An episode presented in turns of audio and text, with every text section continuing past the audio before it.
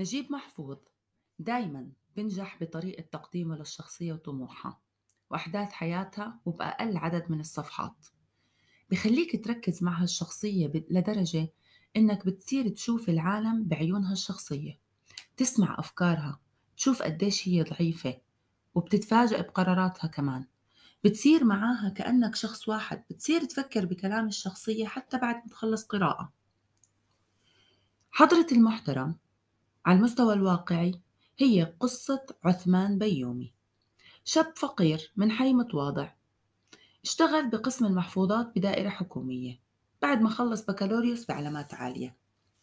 وحط قدام عيونه إنه لازم يصير مدير عام. بس اللي بيفصله عن هذا المركز سبع درجات. اجتهد بنيل الشهادات وخلى علاقاته بكل رؤسائه وطيدة. هناك طريق سعيدة تبدأ من الدرجة الثامنة وتنتهي متألقة عند صاحب السعادة المدير العام. هذا هو المثل الأعلى المتاح لأبناء الشعب، ولا مطمح لهم وراء ذلك. تلك هي سدرة المنتهى، حيث تتجلى الرحمة الإلهية والكبرياء البشري. عثمان كان بيعرف شو بده، وكان بيعرف شو الطريق اللي لازم يسلكه علشان يوصل لمركز المدير العام. يعني شو كان يفكر؟ كان يفكر إنه إذا تزوج بست فقيرة ما رح ما رح تساعده بإنه يوصل للمركز اللي بده إياه. بس إذا تزوج ست غنية هي اللي رح تساعده بعلاقاتها إنه يطلع هالسلم الوظيفي بسرعة.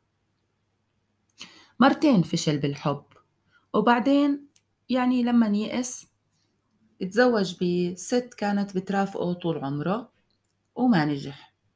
بعدين اتزوج بسكرتيرته واللي فهمنا بعدين إنها تزوجته لأنها كانت حامل من الشخص اللي وظفها عند عثمان. على المستوى الرمزي حضرة المحترم بتشير لعثمان القصيص أو رجل الدين وهذا بنشوفه من كلمة حضرة اللي هو محترم آه، بيرتقي الدرجات آه، بده يوصل لسدرة المنتهى الوظيفي. بس عثمان الصوفي كان بنحدر نحو الجحيم. في تضاد واضح بين كسب العالم وخسارة الذات وأعماله هي اللي بتشهد له من وصولية من تخلي عن الحب. شهوة الجسد عشان يعوض الفراغ الروحي. البخل لدرجة إنه ما غير بدلته علشان ما يصرف ولا قرش. حتى إنه كان يتمنى ضمنيا إنه رؤسائه يموتوا أو حتى يفكر إنهم رح يصيروا ناصحين بطريقة رح تقتلهم.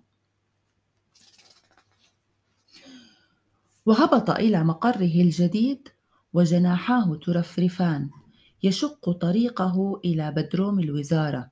طالعته قتامة ورائحة أوراق قديمة ورأى سطح الأرض في الخارج عند مستوى رأسه من خلال نافذة مصفحة. مأساة الآدمية أنها تبدأ من الطين وأن عليها أن تحتل مكانتها بعد ذلك بين النجوم.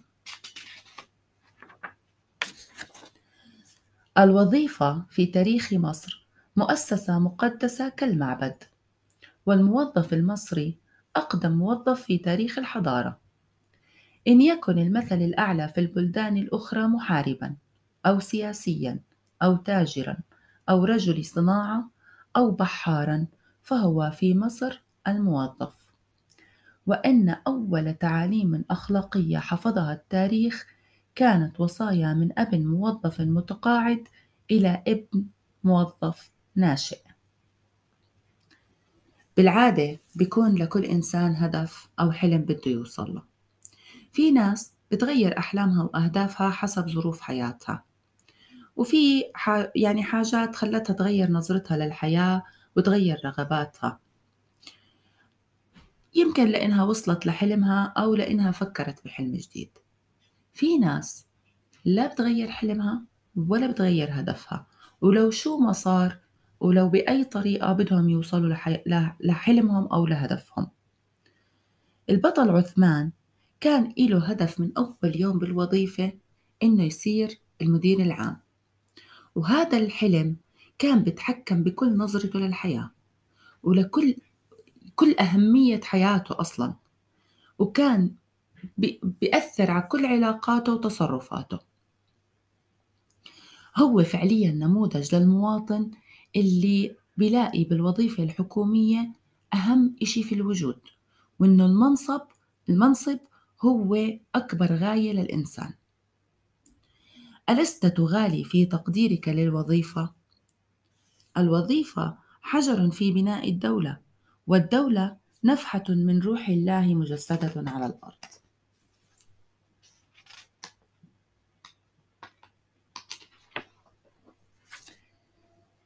الحياة يمكن تلخيصها في كلمتين استقبال ثم توديع. استقبلنا رواية حضرة المتهم وهلأ بدنا نودعها. بشوفكم بكتاب جديد ورواية جديدة وشكرا لاستماعكم.